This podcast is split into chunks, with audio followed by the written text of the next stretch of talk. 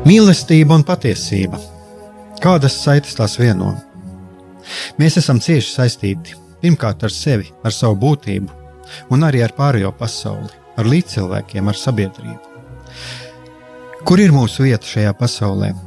Kā mums katram atrast savu patieso aicinājumu un vietu? Kā sasniegt savas dzīves piepildījumu, mīlestību? Kādi šķēršļi gan mūsu sirdī un prātā sastopamie, gan ārējie aizķēso mūsu ceļu pie Dieva? Šie jautājumi ir mūsu dzīves sastāvdaļa, svarīgi mūsu ceļā uz svētumu. Meklēsim šajā raidījumā kopā atbildes uz šiem jautājumiem. Ieklausīsimies, ko Dievs mums vēlas pateikt ar visu, ko sastopam savā dzīvē. Lai mūsu sirds un prāti atveras mīlestībai un patiesībai, raidījums mīliet cits citu.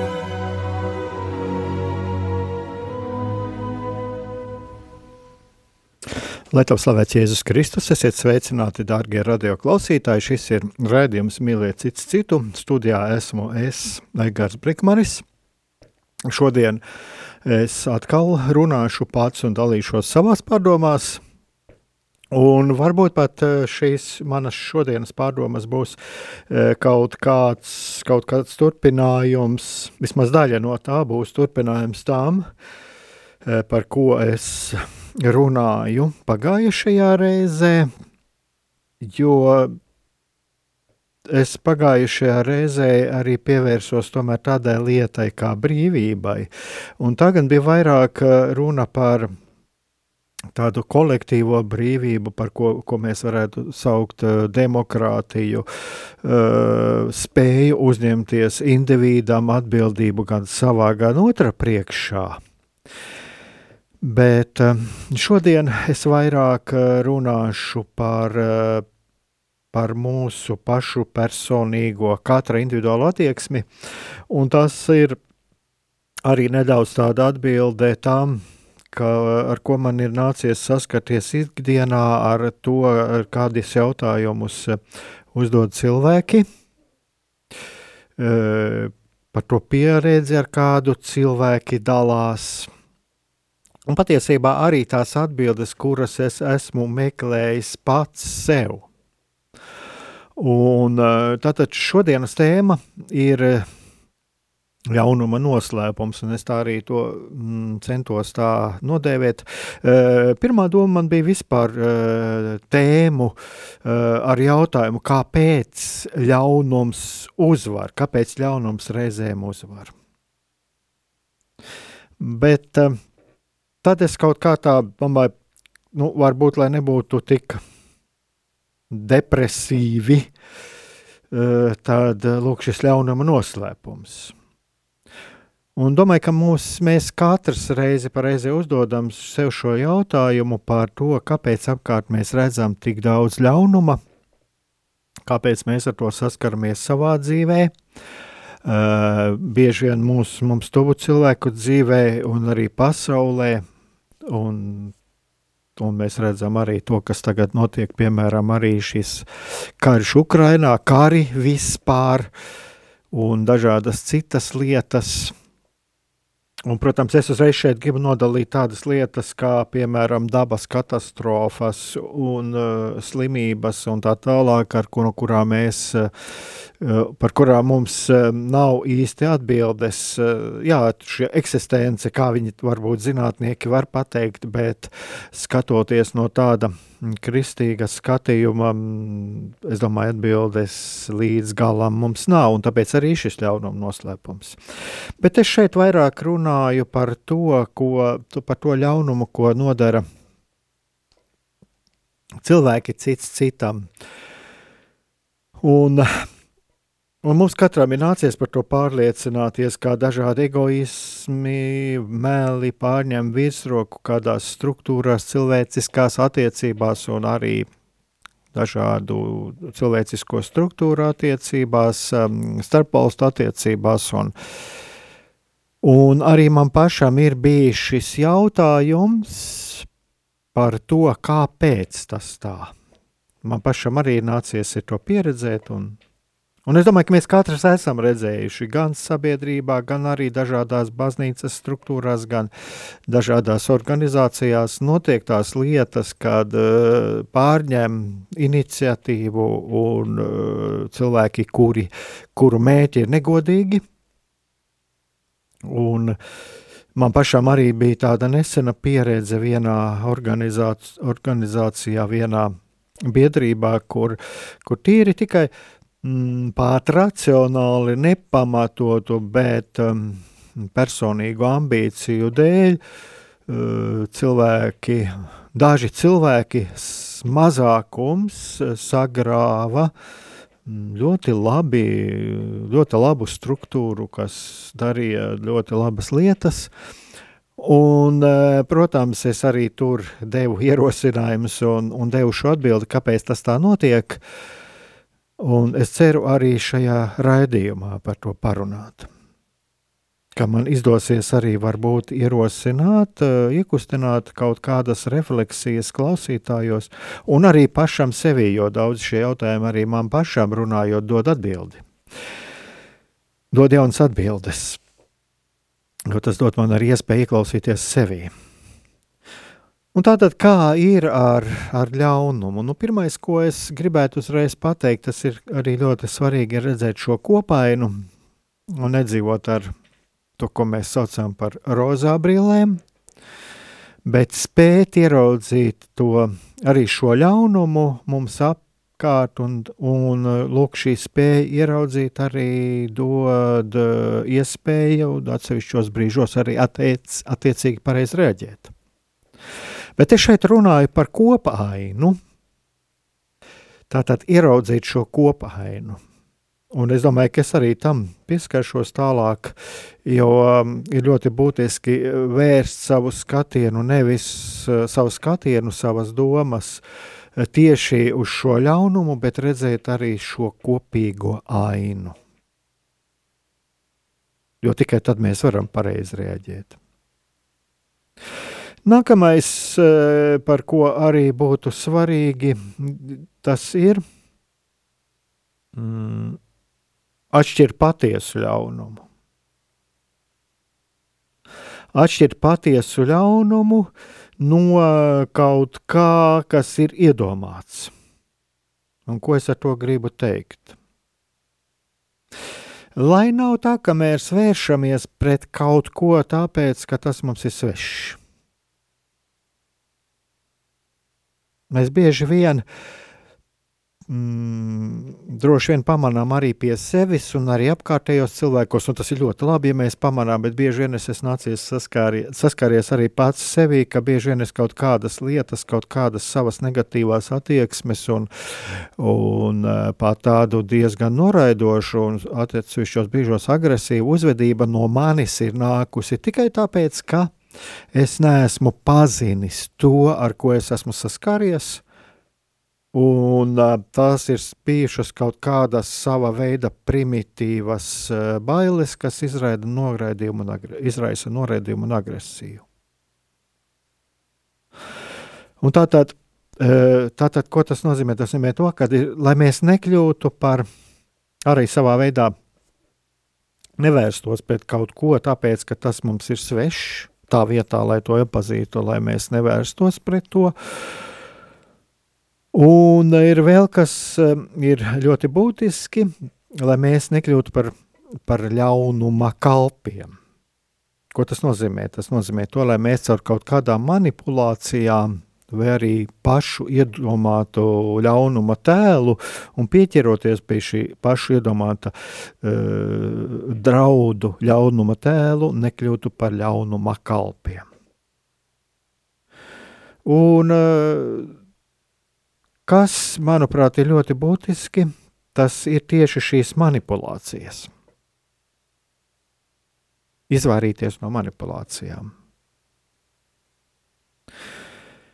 Un e, mēs e, jau no vēstures zinām to, ja mēs e, paskatāmies vēsturē, cik bieži uh, ir noticis tā, Un ne tikai vēsturē, arī šodienā mēs redzam, cik bieži ar cilvēkiem manipulē. Manipulē gan atsevišķi ar kādu atsevišķu personām, gan arī ar kādām sabiedrības grupām, ar, par manipulāciju veicējiem kļūst veselas valstis. Un uh, viena no lietām, par ko mēs varam kļūt par šiem manipulāciju upuriem, tās ir balstīšanās uz vērtībām. Un, lai cik mums šķistu tas paradoxāli, bieži vien tieši vērtības vai tie jēdzieni, kas apzīmē mūsu vērtības, mūsu, slaven, mūsu svarīgas vērtības, var kļūt par mani, manipulāciju rīku, kas vēršas pret mums pašiem. Mēs jau zinām arī no vēstures, kā tas ir noticis. Un ir svarīgi redzēt to arī šodien. Ir šķīras sabiedrības, tā ir sabiedrības grupa. Katra sabiedrības grupa ir pati par sevi vērtība. Tāpat kā pati par sevi ir vērtība nācija un ģimene, arī e, piederība kādai reliģijai un tā tālāk. Tās visas pašas par sevi ir vērtības, kas, ir, kas mums ir vajadzīgas un vajadzīgas mūsu pastāvēšanai. Bet, ja mēs paskatāmies, kā tika manipulēts, kā dažādi mm, komunistu grupējumi manipulēja ar tādiem jēdzieniem kā strādnieku šķīra, Jā, arī tas sakās tajā laikā, kad tiešām bija sociālā netaisnība daudz lielākā mērā, vismaz rietumu pasaulē. Uh, bija un bija pamatotas prasības, uh, varēja būt pamatotas prasības arī šiem uh, strādniekiem pret darba devējiem. Bet kas notika? Notika tas, ka būtībā cilvēki, kas paši pat nepiederēja pie šīs strādnieku šķiras, bet balstoties uz, lūku, uz it kā aizstāvot šo uh, strādnieku šķiru, izdarīja lielu postu. Un lielu postu visai sabiedrībai, arī tai pašai strādnieku šķirai. Uh, tāpat arī nācija Mēs ļoti labi varam atcerēties, piemēram, kaut vai tā pati nacistu ideoloģija, un arī dažādi nacionālismi reiz pareizē parādās, kur atkal ir radīts kaut kāds mākslīgi izdomāts tēls, tā kā piemēram nacistiem bija ebreji, kaut kas, kāda vērtība, kuras vārdā tika manipulēts un kuras vārdā tika ap kaut kādu konkrētu politisku spēku e, sapulcināta, pulcinātas uh, sabiedrība, lai kāds konkrēts politisks spēks varētu um, veikt, veikt šīs manipulācijas un sasniegt kaut kādus savus mērķus. Un tāpat, ja mēs paskatāmies arī to pašu jēdzienu kā ģimene, kas arī pats par sevi ir ļoti, ļoti laba un svarīga lieta, un kristietībā tā ir ļoti svarīga, bet cik bieži mēs redzam arī politiskas partijas un politiskas grupas, kas manipulē vienkārši, lai ar šo jēdzienu uh, un biedē ar dažādiem draudiem tikai un vienīgi ar vienu mērķi, lai uh, nostiprinātu savu politisko varu. Un tā tad, lūk, atpazīt to, atpazīt uh, arī šīs lietas un būt ļoti uzmanīgiem tajos brīžos, kad uh, mums kāds kaut ko sāk ar kaut ko baidīt un rada mūsos kaut kādu apdraudējumu sajūtu. Uh, ir būt ļoti uzmanīgiem, lai mēs nekļūtu par šo manipulāciju upuriem un vienmēr izvērtēt arī vispusīgi vai gadījumā ar mums necenšas manipulēt, un vai tas draudz, ar ko mūs draud, patiešām ir, ir dra, apdraudējams. Un kas ir šie cilvēki, kas pie mums nāk ar kaut kādām idejām?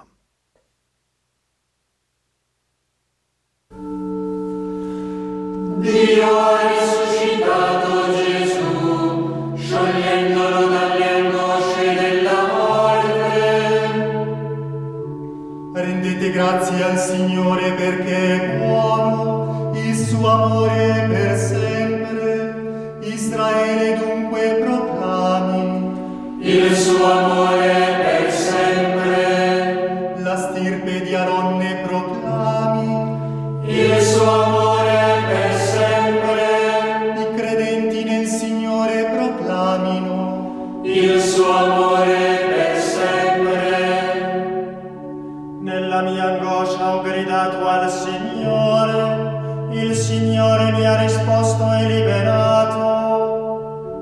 Il Signore è con me, non ho paura, cosa può farmi un uomo?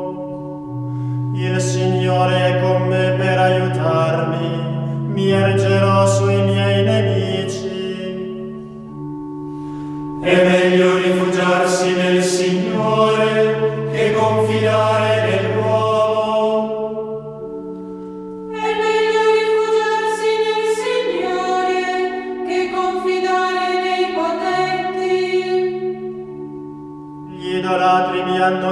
circondato, nel nome del Signore li ho affrontati.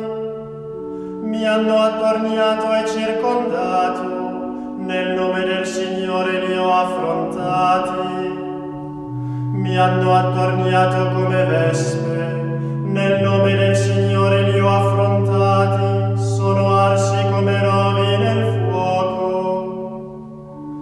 Mi hanno spinto per farmi cadere, ma il Signore mi ha aiutato. Mia forza e mio canto è il Signore, è stato Lui la mia salvezza.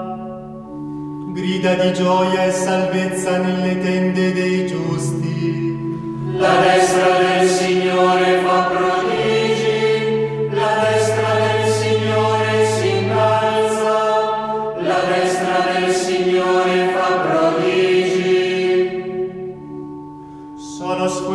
al aporte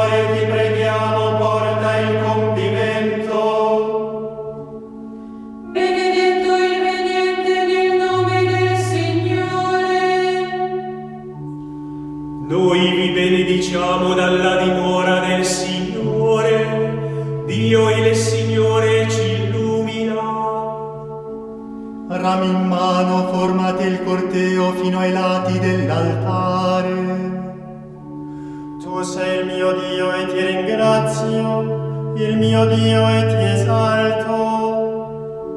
Rendete grazie al Signore perché è buono. Il suo amore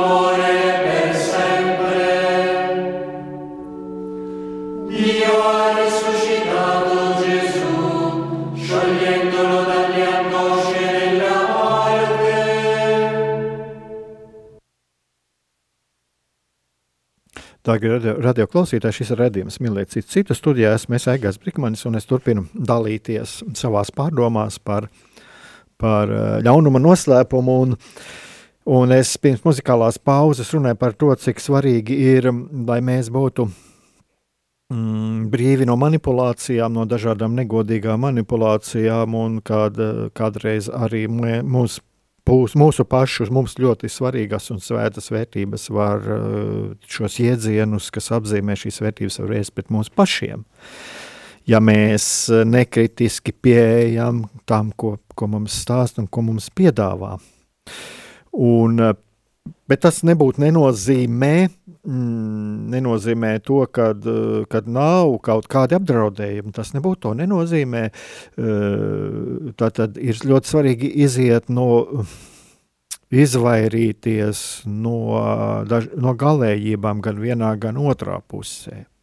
Bet cik mēs zinām arī no vēstures, tad bieži vien tie, kas ir solījušies kaut ko aizstāvēt, viņu politikā tālāk ir sagādājusi tieši ļoti liels zaudējums un ciešanas tieši tiem, ko viņi ir savulaik apņēmušies aizstāvēt.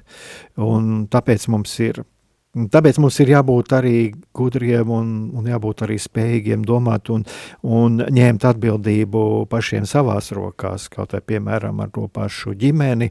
Uh, vislabākā aizstāvība ir dzīvot mīlestībā un uzticībā savai laulībai. Un uh, tāda nekas, izņemot kādu ārēju vardarbību vai līdz nāvim uz šķirs, um, nespēj to apdraudēt.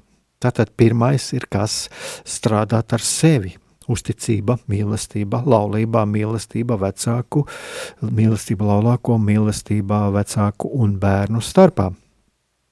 Lūk, tā.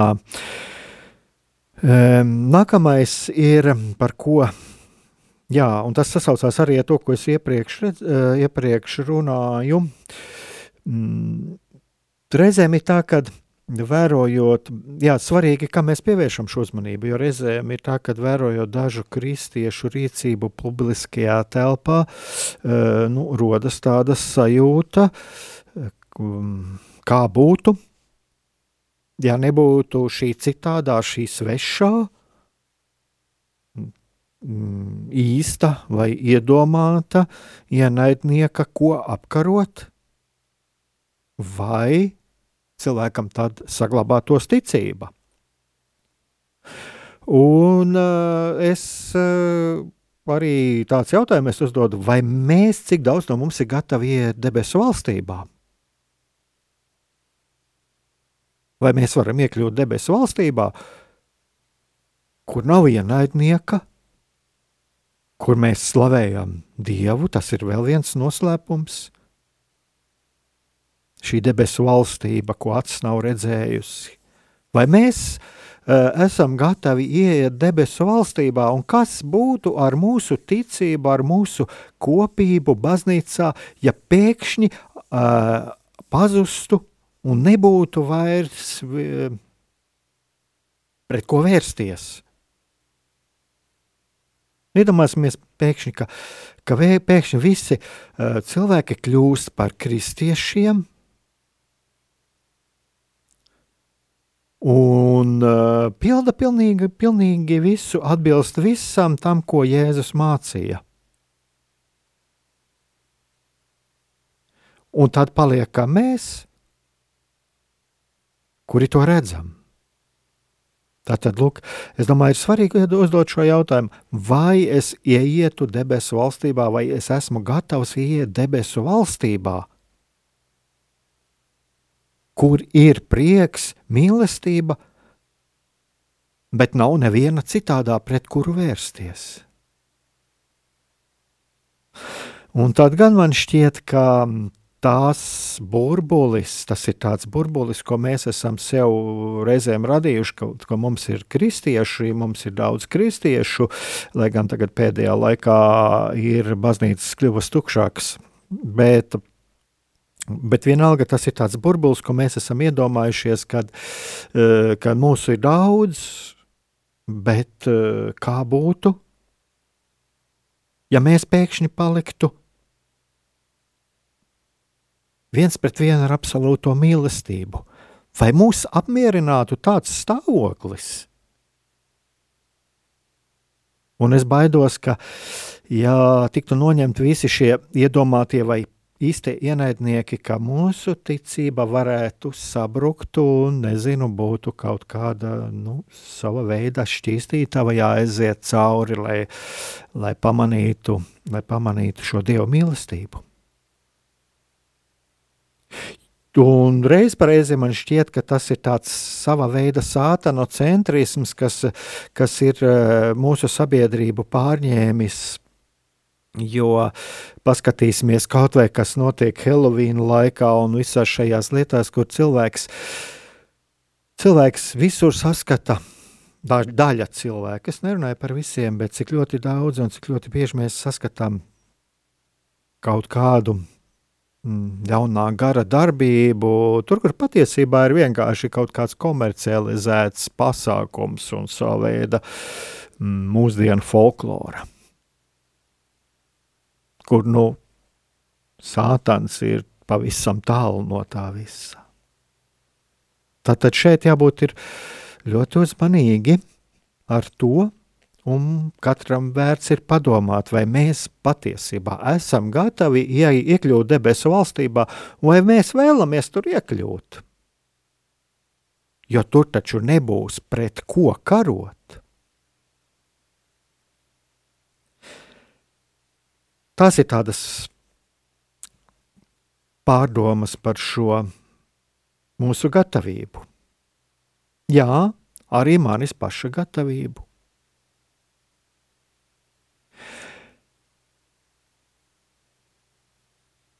Un tagad es vēlos pievērsties vēl tām lietām, kas, kas tieši attiecās uz mums, un kas var šim ļaunumam palīdzēt. Un, un viena no lietām ir pasivitāte. Es arī te atvēru tagad vaļā internetā vienu no pāvesta tekstiem, kur viņš uh, 20. No, novembrī Piemontas apgabalā um, viesojoties savu, savu vecāku dzimtenē, uh, runājot ar klātesošajiem, uzsvēra tādu vienu mm, būtisku lietu.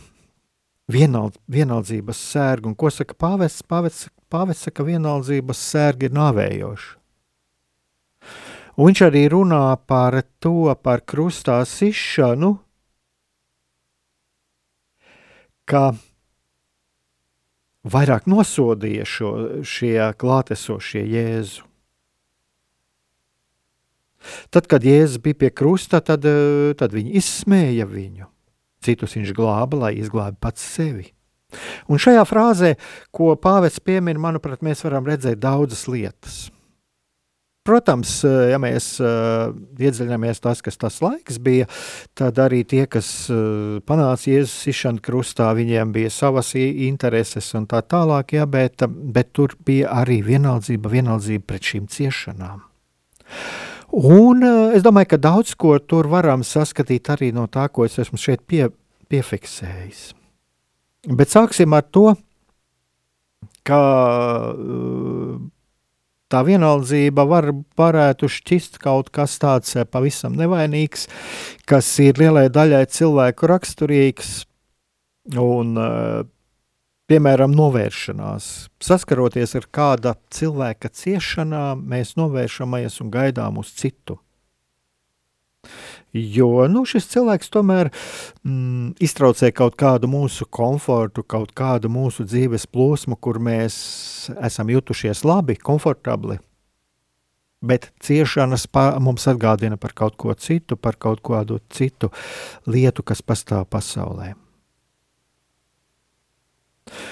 Uh, un uh, ir labi kādreiz arī saprast šos, šos procesus.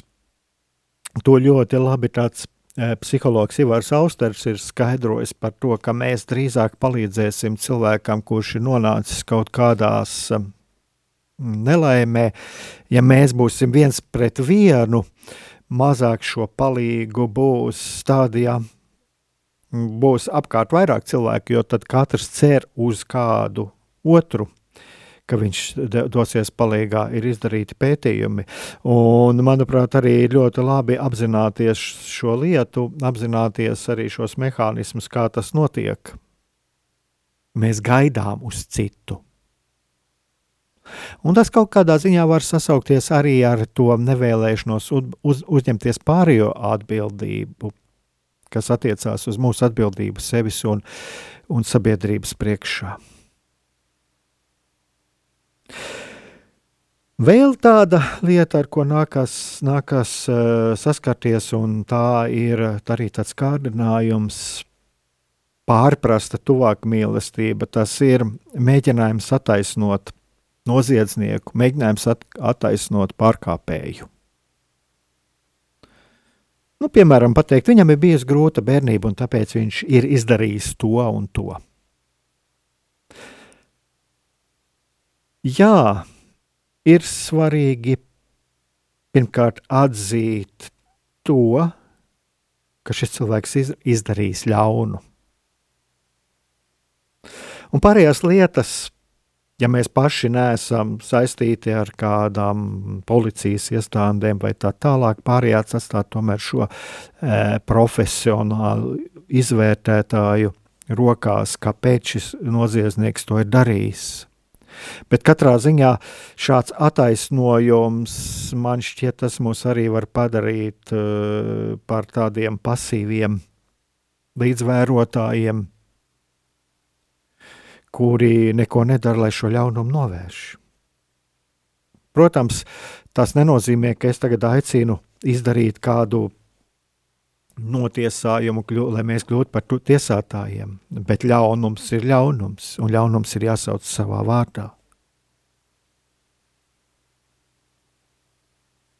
To mēs redzam arī attiecībā uz to, kas mums notiek apkārt, kaut vai tādā pašā Ukrajinā. Putinisms un Krievijas uh, politika tas ir ļaunums Un mums nav jāmeklē šajā brīdī kaut kāds attaisnojums, bet mums ir jāredz šis ļaunums, kurš ir iespēja robežās jānovērš. Un tas tāpat ir ar pāridarījumiem, pār pāridarījumiem gan mums pašiem, vai cilvēkiem mums apkārt. Ļaunums ir ļaunums. Vēl viena lieta, ar ko nākas mums saskarties, un Un arī savā ziņā, kur mēs noņemam no sevis atbildību un mēģinām atrast kaut kādu racionālu skaidrojumu ļaunumam, tas ir nosodījums. Un savā ziņā mēs jau redzam to manis pieminētajā, kur uh, uh, svēto rakstu fragmentā, par kuru runāja arī pāvests, un kāpēc viņš arī runāja par šo pasivitāti. Pasivitāte var nākt arī caur nosodījumu tāds eh, klasisks piemērs par eh, seksuālo vardarbību. Un uh, es esmu to ļoti bieži dzirdējuši, varbūt arī jūs esat dzirdējuši. Nevajag staigāt īsā klētiņā par dažādām aizdomīgām vietām. Un lūk, šeit jau ar šādu atziņu mēs nodarām ļaunumu. Tā vietā, lai runātu par to, ka nevienam nav tiesības uzbrukt, eh, aplaupīt, slepkavot vai izvarot, ka tas ir amorāli nepieņemami, mēs eh, vēršam vainu uz upuri. Lai gan patiesībā nedrīkstētu tā būt, ka vienalga, kurš vai tā ir sieviete, jauna meitene vai, vai bērns vai kurš cilvēks, kad viņš kaut kādā vietā nevar staigāt, un viņam tas būtu bīstami. Un, manuprāt, mēs arī šeit caur šādu nosodījumu mēs kaut kādā ziņā attaisnojam ļaunumu to ļaunumu, kurš var eh, net, netraucēti izplatīties, tāpēc ka mēs paliekam pasīvi saskaroties ar šo ļaunumu.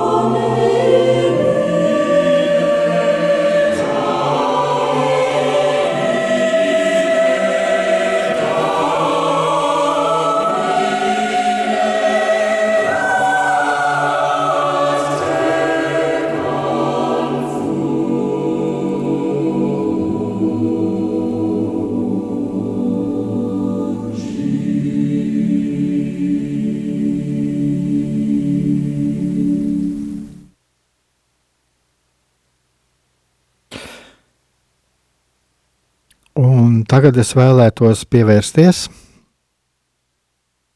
pašam šim ļaunumam, un ar ko tad šis īsti atšķiras no tā, ko mēs varētu saukt par labumu.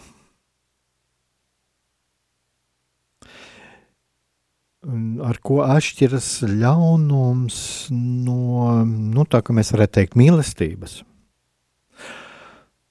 Un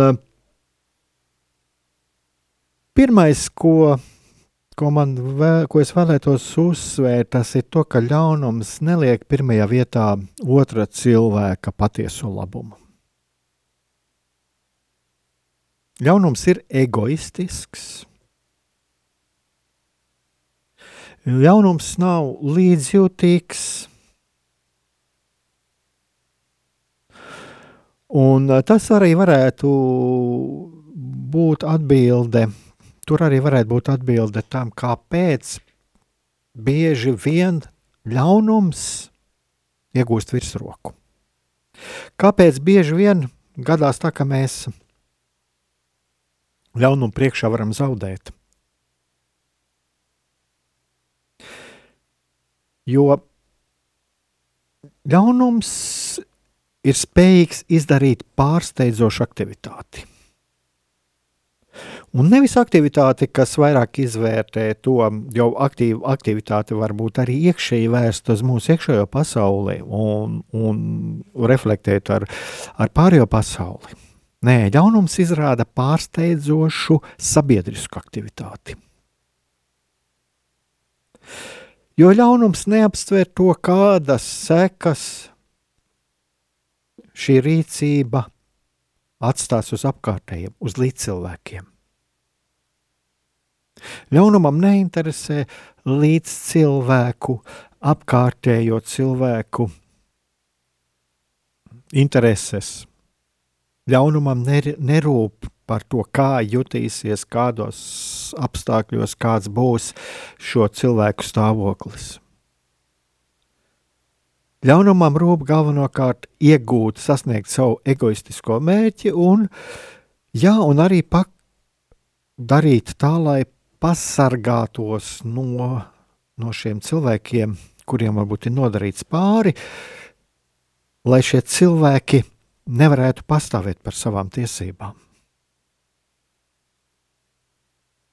Protams, mēs varam runāt arī par to, ka, jā, un mēs arī kādreiz folklorā to redzam, ļaunums ir, ļaunums ir muļķīgs un kaut kādas savos, ja mēs skatāmies tīri no kristīgā skatu punkta, jā, ļaunums ir muļķīgs, jo cilvēks pazaudē savu dvēseli, bet, bet arī attiecības ar cilvēkiem kaut kur jau sirds dziļumā šim ļaunumam šim ļaundarim ir jābūt ļoti dziļi nelaimīgam, ja viņš nav patiesās draudzī, draudzības un patiesas mīlestības attiecībās. Bet, eh, lūk, ļaunums ir tieši tāpēc ir tik pārsteidzoši aktīvs bieži vien, tāpēc, ka viņš nerēķinās ar citiem. Jūs esat droši vien dzirdējuši, mēs visi esam dzirdējuši tādu teicienu, ka, piemēram, cilvēks iet kā tanks, iet pāri līķiem. Un, manuprāt, tā ir Tas ir ļoti labs apzīmējums tam, kas tad ir ļaunums.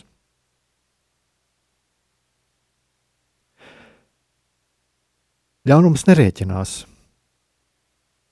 ar apkārtējiem, ar līdzcilvēkiem. Ļaunums egoistiski rēķinās un uh, veido varbūt kādreiz atsevišķos gadījumos sistēmas, kas aizsargā pašus savējos bet ļaunumam neinteresē tie, kuri, ar kuriem viņš eh, ir saskarsmē, un ļaunums drīzāk vēlās atbrīvoties no šiem cilvēkiem, kuri traucē viņu egoistiskajiem mērķiem, līdzīgi kā savulaik tika Jēzus izkrustā. Un vēl viena lieta, kas ir arī, ko ir svarīgi apzināties, un tas arī sasaucās ar to, ko es runāju jau raidījuma sākumā, tas ir tas, ka ļaunums ir manipulatīvs. Ļaunums nevēlas, lai cilvēks vadītos pēc savas brīvās gribas. Ja mēs redzam evaņģēliju, tad eh, paskatāmies evaņģēlijā, tad eh, mēs redzam, ka Jēzus neuzspieda. Jēzus uh, atbilde cilvēkam, Jēzus nāca pie cilvēkiem, bet viņš sevi neuzspieda. Ja jūs atcerieties, arī šeit pat raidījumā tika runāts par to arī zaķējs, viņš kāpa kokā, lai ieraudzītu Jēzu. Un tad Jēzus devās pie viņa. Mēs redzam Jēzus darbības, mīlestības darbību, bet mēs arī redzam evaņģēlijo, kur Jēzus jautā, e, ko tu vēlies? Ko tu vēlies, lai es daru?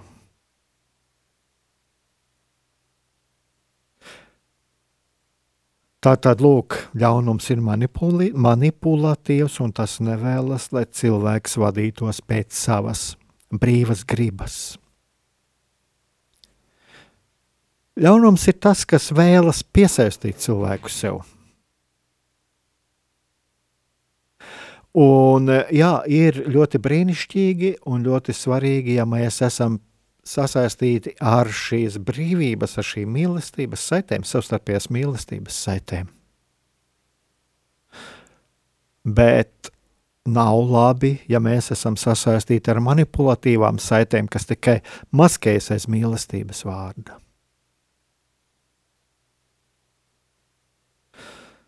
Tā tad, lūk, ļaunums liek sevi pirmajā vietā ļaunums uh, neņem vērā citu cilvēku, līdzcilvēku patiesās intereses, un uh, ļaunums uh, sava mēķa sasniegšanai nedomā par to, kā jutīsies līdzcilvēki, kā jutīsies tie cilvēki, kur ir apkārt, un, un ļaunums ir gatavs šo cilvēku robežas pārkāpt, lai iegūtu sev kaut kādu labumu. Un ļaunums tā tad liet līdz, sākot ar, ar apmānu, ar meliem, līdz pat vardarbībai, manipulācijām. Tas viss ir tas, ar ko ļaunums mm, rīkojās. Tieši ļaunuma instrumenti.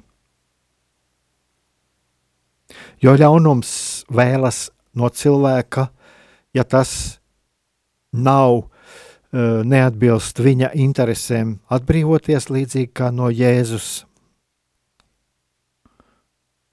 vai arī viņu pakļaut, manipulēt ar viņu un izmantot viņu savām egoistiskajām interesēm. Un šeit ir arī ļoti bieži jāuzmanās mums no tā, lai šīs manipulācijas nenotiek mīlestības vārdā. Jo ļaunums ir tas, kas piesaista ar neveselīgām saitēm, bet egoistisks. Ļaunums ir tas, kas nevēlas, lai cilvēks izvēlētos pats savu ceļu un lai cilvēks būtu brīvs. Un ļaunums nevēlas, lai cilvēks vadītos pēc savas brīvās gribas. Amen.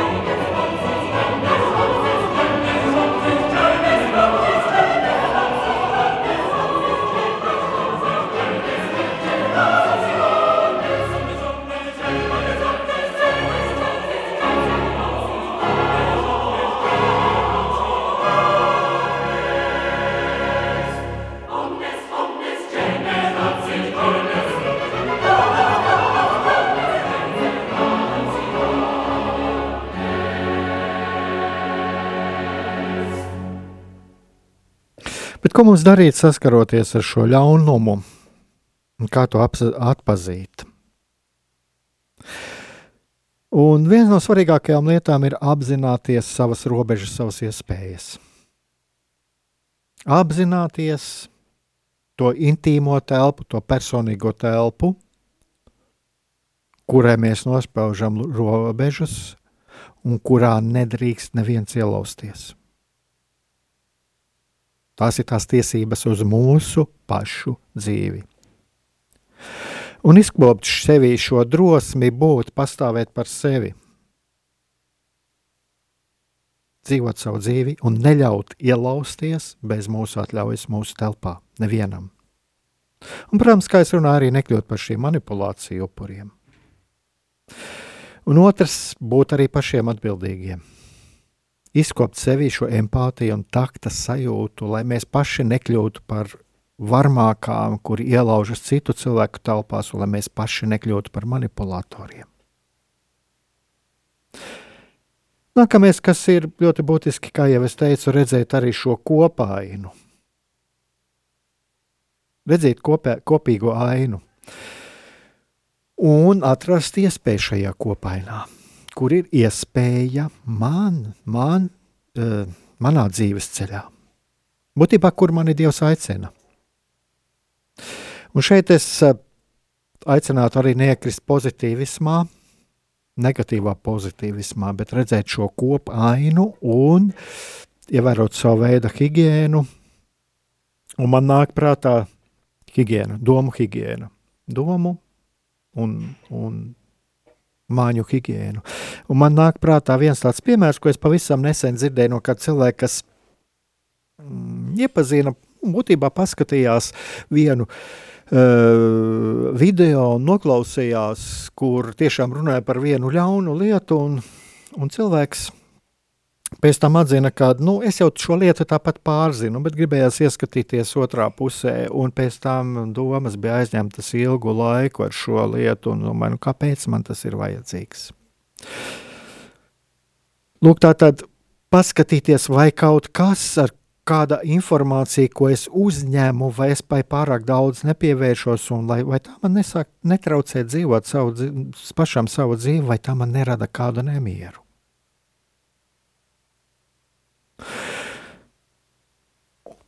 Un, jā, tātad tas nenozīmē, ka nebūtu nezinošam, bet nepievērsties, ja man sāk kaut kas traucēt, un ja man ir šis nemieris, tad paskatīties varbūt es esmu kaut kā, tā kā es runāju jau pirms šīm muzikālajām pauzēm, varbūt es esmu pievērsis pārāk daudz uzmanību negatīvajam, tā ka es neredzu iespējas un es neredzu arī labo šajā dzīvē, ar ko Dievs vēlās man iepriecināt.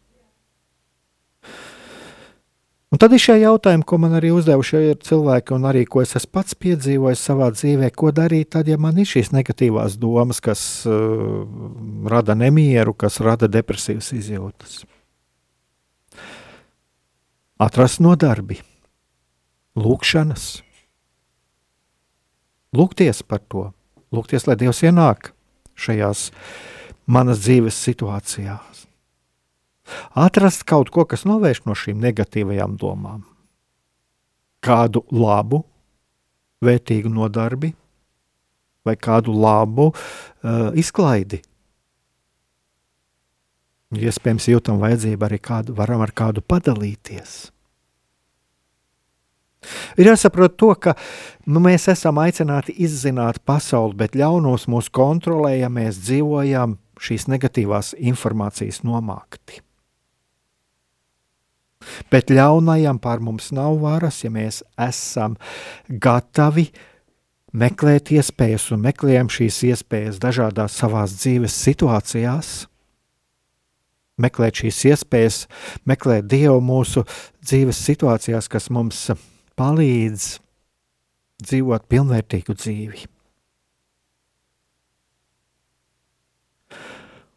Un uh, cilvēkiem, varbūt arī, kas mani klausās un kas nepieder pie baznīcas, bet nu, tomēr, un sevišķi jau kristiešiem, arī viena ļoti būtiska lieta - atcerēties Kristus krustu.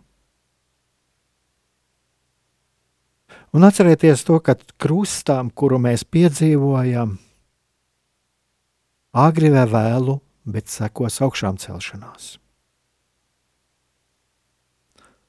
Ar to es arī vēlos noslēgt šo šodienas raidījumu, šīs savas pārdomas. Lai mums katram izdodas savā dzīvē, jebkurā dzīves situācijā, ieraudzīt šajā dzīvē šo ceļu, kas mums palīdz izdzīvot pilnvērtīgi savu dzīvi. Lai mums katram izdodas atrast spēku savā dzīvē, atrast dzīves piepildījumu, neatkarīgi no mūsu sociālā stāvokļa, no mūsu piedarības kādai grupai,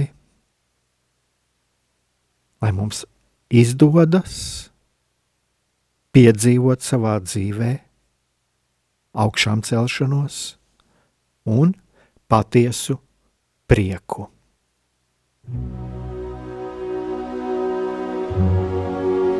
Mīlestība un patiesība. Kādas saites tās vieno?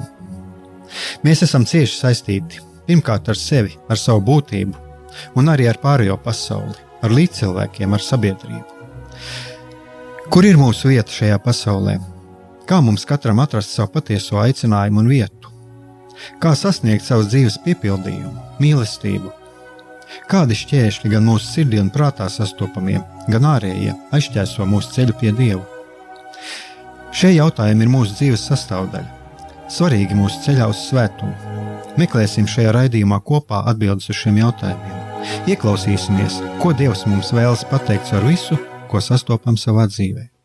Lai mūsu sirds un prāti atveras mīlestībai un patiesībai, raidījums mīliet citu citu.